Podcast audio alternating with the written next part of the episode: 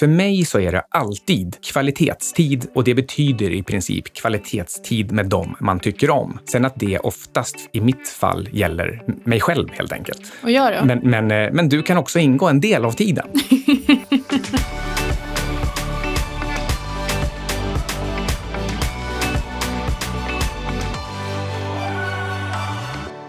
Det fanns en tid före och efter midsommar 2019.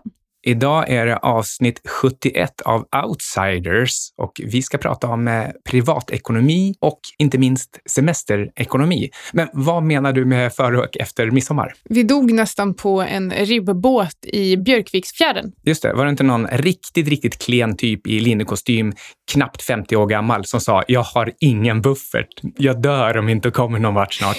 Jo, du satte dig på golvet på båten eller på att bryta ihop i tårar. Det här är på riktigt faktiskt Micke och inte jag. Jag satt där och sa, ja, ja, jag fryser också. Men jag ringde i alla fall en taxi och försökte lösa, lösa situationen som vi hade hamnat i. Nej, men det var nämligen så att båten la av när vi skulle åka hem mitt i natten och det var skitkallt så vi satt där med 16 andra fulla personer. Jag var faktiskt nykter eh, på den här ribbåten. Eh, han som körde var faktiskt nykter för att på festen hade de tagit in eh, tre stycken stridsbåtsförare som eh, körde fram och tillbaka. Och om jag ska vara helt ärlig så kändes det sjukt tryggt just i den situationen. Om nu just vår båt inte var klassad för 16 personer så, så har det här alltså egentligen inte hänt, utan det är rent hypotetiskt vad som skulle kunna hända.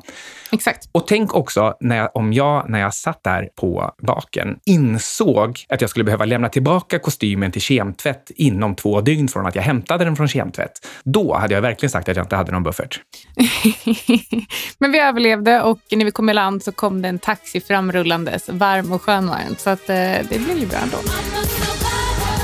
Vet du vad, Anna? Vadå? Det här avsnittet klipps av Alexander Marton. Så då kanske han klipper bort vårt midsommartrams om han känner att det är, eh, jag vet inte, fel och dåligt och tråkigt. Ja, Och inte han relaterat till finans. absolut inte göra. Jag hade tänkt fråga om du hade gjort något kul i helgen, men eh, det var ju tydligen den här midsommarfesten.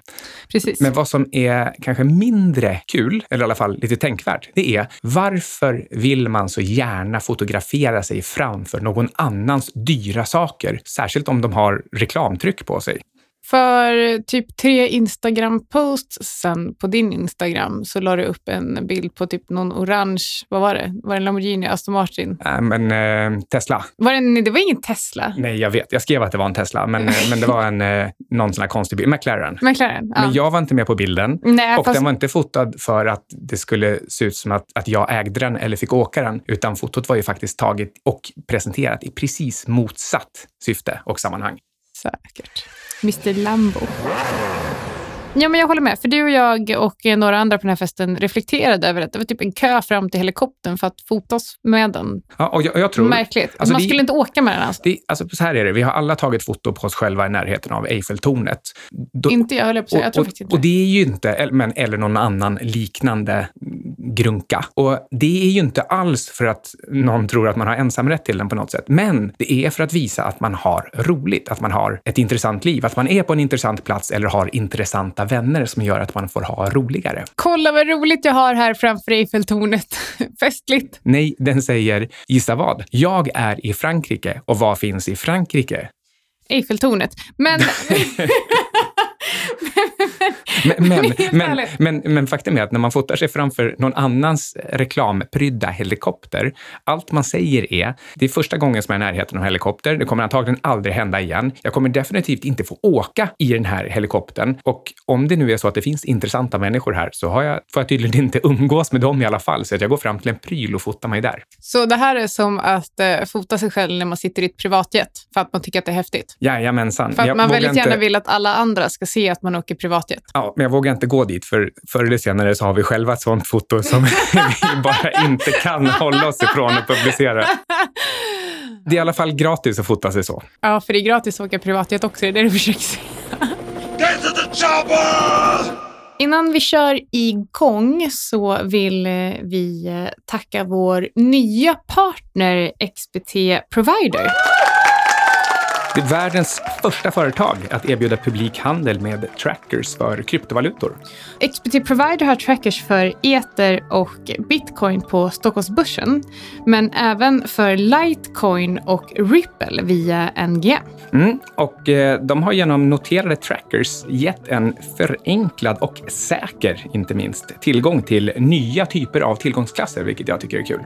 Och eh, krypto är faktiskt någonting som vi har pratat en del om att eh, vi tycker att man bör ha i portföljen bara någon enstaka procent. Och när vi gjorde en intervju med Christian Ander och Erik Wall så sa ju faktiskt också Erik Wall att på grund av eh, egentligen skatteproblematiken som jag skulle vilja kalla den och svårigheterna med att faktiskt dra av förlusten när det kommer till riktig kryptohandel så är det här ett bättre sätt att få exponering, framförallt för den som är intresserad av att eh, handla mer aktivt. Och eh, vi har faktiskt pratat med Sofia som är en av XBT Providers kommunikationsteam i Stockholm om vad de har för planer för framtiden. Men Sofia, varför Norden? Ja, alltså vi har haft närvaro i Norden allt sedan vi listade bitcoin-tracken 2015 och sen dess har vi känt ett väldigt stort stöd från en rätt unik investerarbas här i Norden. Eh, de nordiska länderna och kulturen som är här är ju oerhört mottaglig för en digital omställning och Sverige var väl ett av de första länderna att bli nära nog kontantlöst och därför finns det också en ganska god förståelse kring utvecklingen av digitala valutor och nya tillgångsklasser. Sen har vi en väldigt engagerad investerarbas här. Nyckelmått måtten för vilka produkter vi kommer släppa till marknaden baserar sig väldigt mycket på vad investerarna efterfrågar och en stor portion av den feedbacken vi får kommer just från Norden. Skulle ett resultat eh, av just det här, den här engagerade investerarbasen som ni lyssnar på vara att ni faktiskt har släppt andra trackers också? Ja, eftersom vi fick så stor, eh, stort stöd från investerarbasen när vi hade bitcoin så var ju nästa efterfrågade valuta var ju eter. Och den kom ju 2017 och det var ju efter en tydlig kommunikation från vår investerarbas att de efterfrågade den. Vad är nytt nu? Ja, så sent som i april i år så släppte vi två nya trackingprodukter till marknaden. En för Litecoin och en för XRP. De finns nu tillgängliga via NGM och deras moderbolag eh, Börse Stuttgart.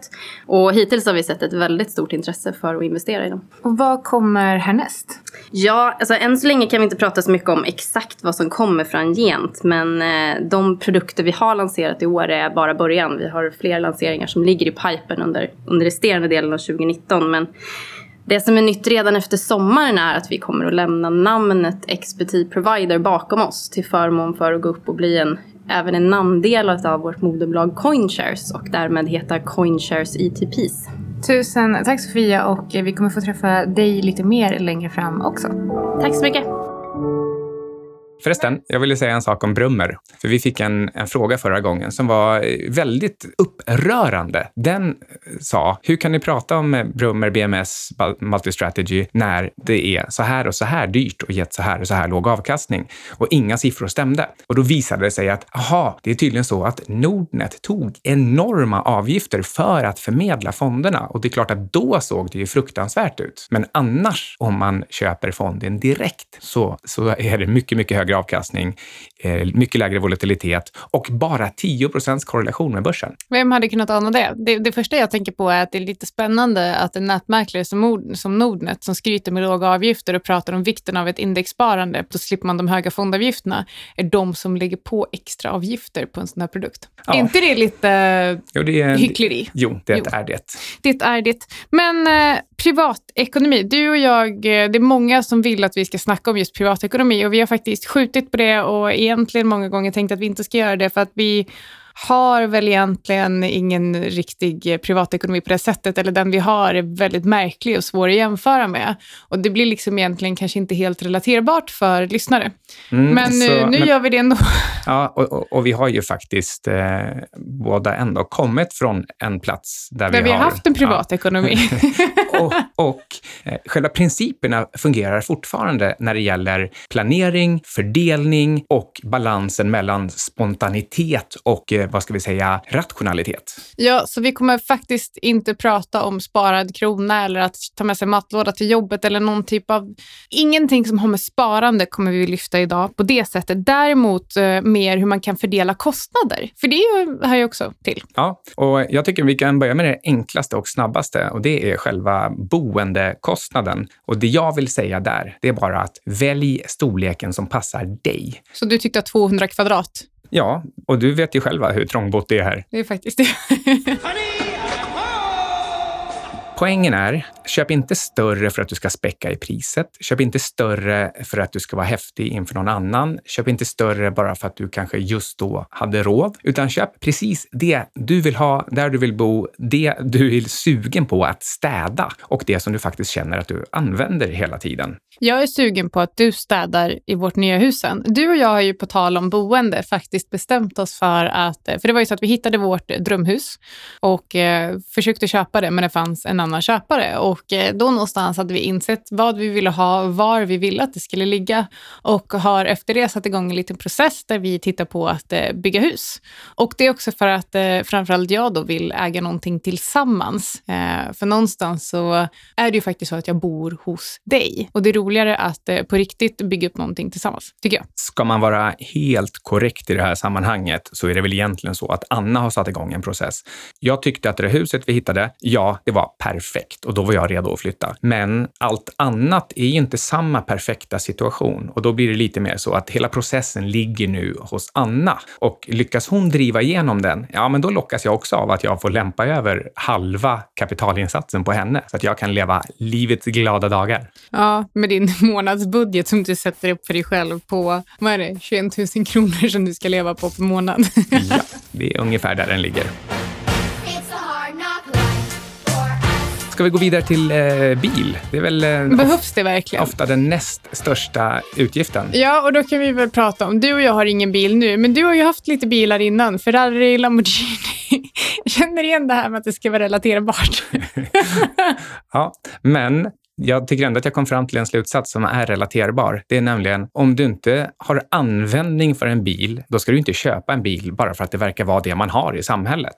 Nej, det är faktiskt eh, helt och eh, hållet eh, Och, och det, är, onödigt. det är faktiskt ofta både bekvämare och billigare att alltid åka taxi när du behöver åka bil. Ja, jag är ju en eh, Uber-användare av rang, men eh, bad ju dig om en medalj bara häromdagen för att jag åkte lokaltrafik. Jag var faktiskt mycket stolt över mig själv. Det är inte varje dag det händer. Dessutom så tycker jag att det här är väldigt värt att fundera över, nämligen om du använder dig av lokaltrafik, elskotrar, Uber och inte minst promenerar, då kommer du få två hälsoeffekter, om inte även andra. En är att du måste tänka efter och planera vad du gör. Ja, det kanske tar lite längre tid, men då får du ju tid till eftertanke. Men framför allt så är det bra för hjärnan att göra olika saker, olika, åka olika vägar. Ja, det var väldigt spännande för mig att åka, åka lokaltrafik. Nu har jag gjort det. Och det andra är förstås att om du en del av vägen använder fötterna så är det ju också nyttigt. Det är det Men faktiskt. vem är så sjuk så att de tar en bil, åker till en parkeringsplats som ligger 200 meter bort och sen handlar och sen gör samma sak tillbaka?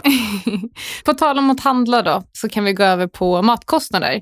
Det är så roligt, för du har skrivit i våra eh, anteckningar här att det är nyttigare och kräver mer eftertanke och, och gemenskap att göra det hemma. Och då vill jag bara fråga dig, Micke, vilken gemenskap pratar du om?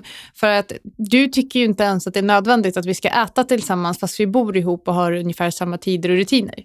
Nej, men det är ändå mer gemenskap när man väl lagar mat tillsammans hemma än det är att bara lite snabbt köpa en hamburgare på vägen och slänga i sig. Och hamburgaren är då dessutom Äcklig. ett, onyttigare, två, den kostar mycket mer. Även om man kan tycka att om det nu är 49 eller 79 eller 99 kronor en gång låter ganska lite. Men, men en, en vanlig, ordentlig egen måltid hemma kostar alltid mindre. Med mindre än att du köper någon hängmörad entrecote och slänger i dig ett halvt kilo.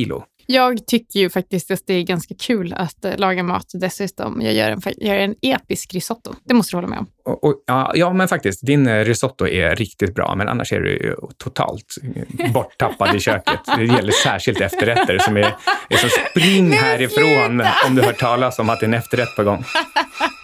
Hur som helst, restaurangmat, den har sin plats. Och jag har, jag har eh, ungefär tre situationer, om jag nu kan komma på dem. En, det är att man sparar ordentligt med tid. Eller det kanske, det kanske är tre tidsbesparingar jag har. En är att spara tid för faktiskt produktivt arbete, så man rent konkret kan se hur mycket mer man tjänar på att man faktiskt bara slängde i sig något som redan var färdigt. Eh, en annan är förstås studier. Även om man då inte vet hur mycket man tjänar på det så kanske man intuitivt kan eh, möjligen förstå försvara det här med att ja, men just nu var studierna viktiga. Men det låter som dålig planering sedan tidigare. Och eh, tre, det här är kanske det som räknas mest av allt och det är om det gör att man kan få sova en timme extra så att man kommer upp i sina åtta timmar. Åtta timmars sömn alltså, det ska alltid prioriteras. Men jag håller faktiskt med. Men okej, om vi, om vi bara lämnar alla de här vanliga vardagskostnaderna och hus och bil och så vidare så tycker jag faktiskt att vi går in på ett ämne som är ganska aktu- aktuellt just nu och som du och jag nog har mycket tankar kring. Eh, för det är någonting i alla fall jag gör ganska mycket. Och nu pratar vi resor. Jag tänkte säga semester, men mina resor är ju framförallt inte semestrar. Men eh, du och jag ser ju på resor på två olika sätt. Jag älskar ju att lägga mycket pengar på hotell. Ja, och för mig Eller rättare sagt, jag det... älskar att bo lyxigt så jag betalar gärna för det.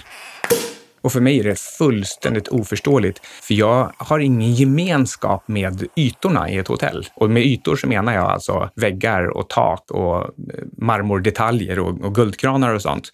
Jag gör ju ingenting med dem och vattnet smakar precis lika gott ur oavsett kran och hotell. Så det vi gör egentligen om vi ska resa någonstans, om vi ska resa någonstans tillsammans, reser jag utan Micke, då vågar jag knappt berätta för honom vad jag betalar. Eh, men eh, om vi reser tillsammans, då säger jag i princip, vad tycker du är värt att betala? Vi ska åka hit. Eh, och sen så tar jag resten. Och det är någonting som funkar för oss. Och det här, har man möjlighet för det så skulle jag rekommendera det, för det gör att man faktiskt inte riktigt behöver kompromissa heller. För är, är det viktigare för den ena att betala mer, men då kan väl den få göra det då. Så att den andra personen som kanske inte vill göra det känner att de ändå fick betala mer än vad de ville och så tycker de inte att de får valuta för pengarna. Men det är någonting som funkar i alla fall för oss. Och som sagt, jag förstår också att man kanske inte har möjlighet, men har man det så är det bra. Jag tycker att det är viktigt att man sätter ner foten för vad det är som är viktigt också. Vad är det vi ska uppnå? Och för mig så är det alltid kvalitetstid och det betyder i princip kvalitetstid med dem man tycker om. Sen att det oftast i mitt fall gäller mig själv helt enkelt. Och jag då? Men, men, eh, men du kan också ingå en del av tiden. Och för att uppnå den här kvalitetstiden, ja men då handlar det om att man ska göra på vissa sätt som, som sparar tid så att den här, den här resan får maximalt med kvalitetstid. Det kanske innebär dyrare transfer ibland. Eller så kan det betyda mer spännande transfer och det kan vara värt nog så mycket. Som till exempel eh, tunnelbanan på 100 minuter från eh, Charles de Gaulle in till Paris city. Ja, den har jag ju inte åkt. Um, åker sällan tunnelbanan när jag är utomlands. Jag har gjort det någon gång och det var när du och jag var i New York tillsammans för att du blev så sur varje gång jag ville ta en taxi. Men eh, på, ta på, tal om, på tal om kostnader.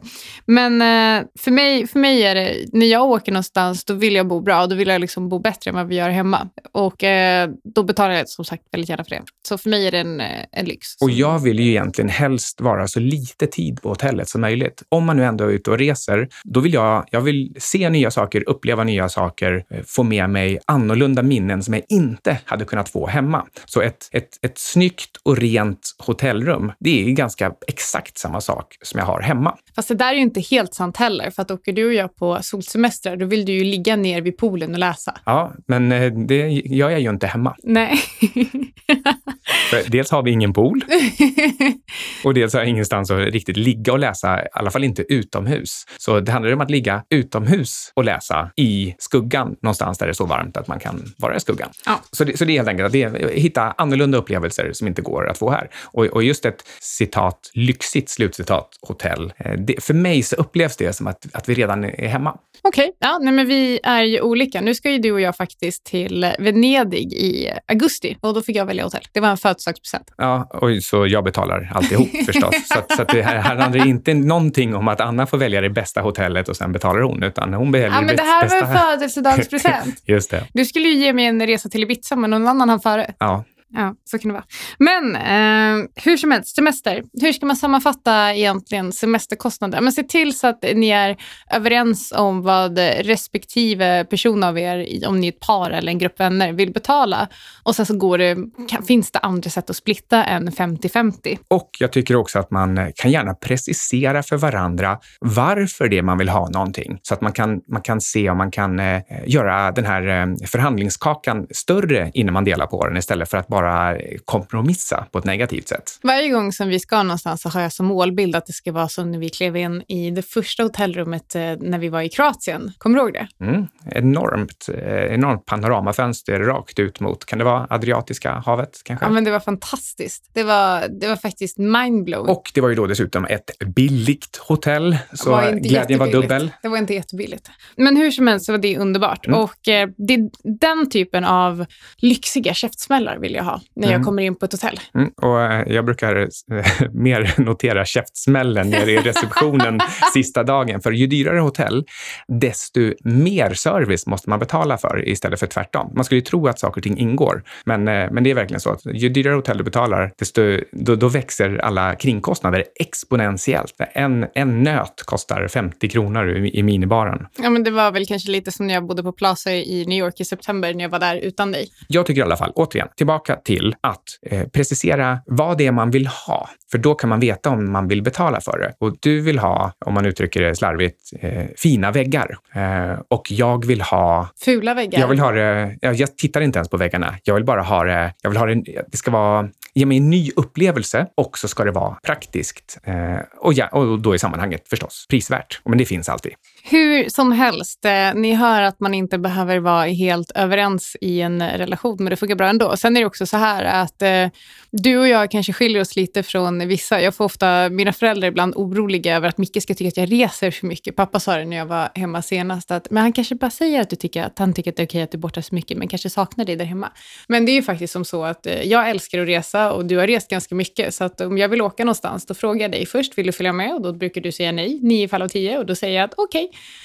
kan du ta capex? och sen så åker jag ändå. Nu har jag upprepat till ledare det här med kvalitetstid och att det är det som är själva fokus. Men då kan man ta ytterligare en väg fram till vad som är kvalitet. Och för att det ska bli kvalitet så måste man ju också vara på bra humör. Och för att vara på bra humör så måste man ha hittat något sätt att vara överens. Och, eh, och det är där det kan komma in det här med rättvisa och hänsyn till den andra i själva förhandlingssituationen så att man faktiskt upplever att den andra inte har roffat åt sig i förhandlingen. För annars så kommer den ena vara lite, känna sig liksom lite åsidosatt och lite förfördelad under semestern och då blir det inte kvalitetstid för någon. Nej, och eh, ett annat exempel på en fantastisk semester, det var ju när vi bodde i Italien nu, för bara en månad sedan. Mm. Då bokade vi ett litet Airbnb i eh, Ostuni i Puglia. Det var helt episkt. Då hade vi en egen jättestor takterrass där vi käkade frukost där och gjorde armhävningar. Och extremt bra value for money. Det var det faktiskt. Och så var faktiskt väldigt, väldigt mysigt. Mycket duktig på italienska. Nu kommer du säga nej, men det är du visst det. Så det var också väldigt mysigt att eh, på morgnarna gå till affären och köpa färska jordgubbar och lite bröd. Och så Så fick du höra mig säga buppidi-bappi, babbidi-buppi. exakt så. Det kanske var exakt det du sa. Jag bara, åh, det låter som att han pratar italienska. Och de bara, vilken, vilken, god smörgåsskinka. Brian, let me handle this. Uh, scusi, Babidi-boopy? Che cosa? Jag lyssnade nyligen på eh, Freakonomics. I den senaste Freakonomics Du kan vara freakonomics. så råk, ja, det är jag faktiskt. Ehm, det, det stämmer väl rätt bra in på hela det här avsnittet, att, att vi har en kanske lite annorlunda ekonomi.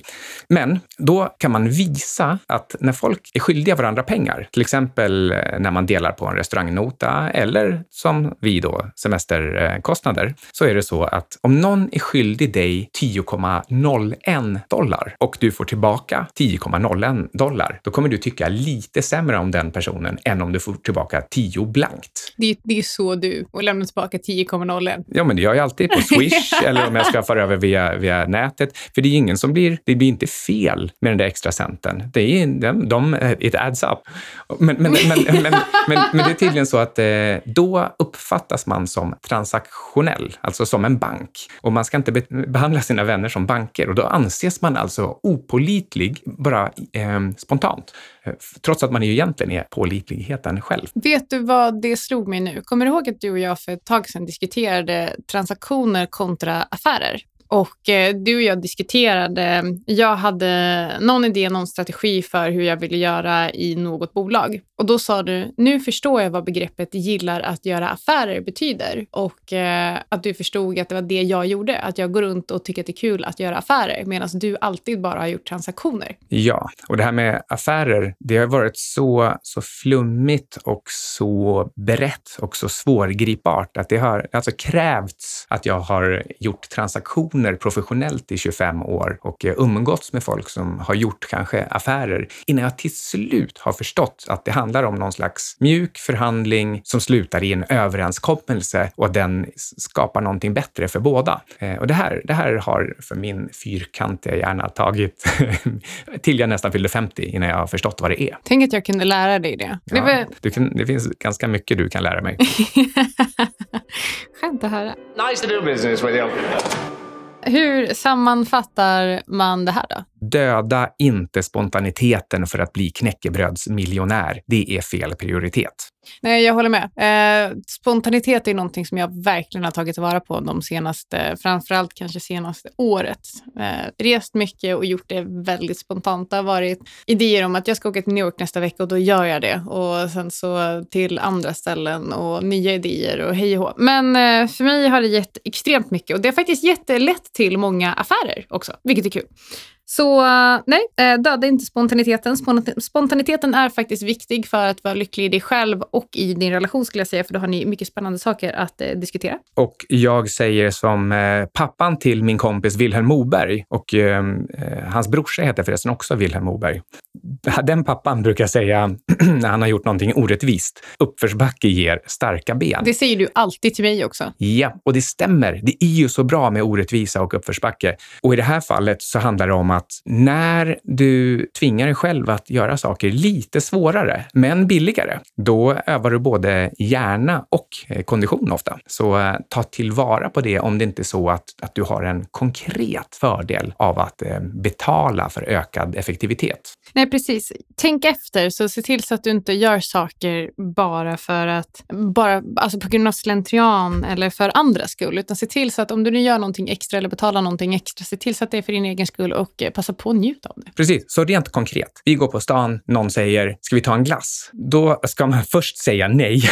nej, men första tanken borde bli “okej, ja, men det kanske vore gott. Vill jag verkligen ha den här?” Vilken rolig kille du var ihop med. Ja, men det blir ju inte tråkigt. Det här tar en sekund i huvudet. Man ska liksom bara, det är precis som när du funderar på, ska jag ta upp telefonen och kolla om jag har fått något meddelande? Självklart gör du inte det, utan du väntar till du kommer hem sen så att du inte slösar bort din kvalitetstid på att kolla telefonen. Det är samma sak med glassen. Kanske är det ännu bättre att vänta hem till glasspaketet än gå runt och, och slabba med glassen som kostar 20 gånger så mycket och du egentligen bara fick idén för att du gick förbi en glasskiosk, det vill säga att du är ett offer för reklamen. Och jag ser så mycket fram emot eh, min födelsedagsresa till Venedig. Dessutom så blir du ju tjock av den där glassen, så du självklart så är ju svaret nej även därför. Och det, tänk vad mycket bättre att gå i uppförsbacke hem och kanske ta en, en matsked glass. Okej, men ska du ta dina starka ben och eh, gå och sätta dig lite på terrassen med mig och njuta av solen? Ja, innan jag ska iväg på ett eh, häftigt venture capital-möte för big boys doing big business-affärer.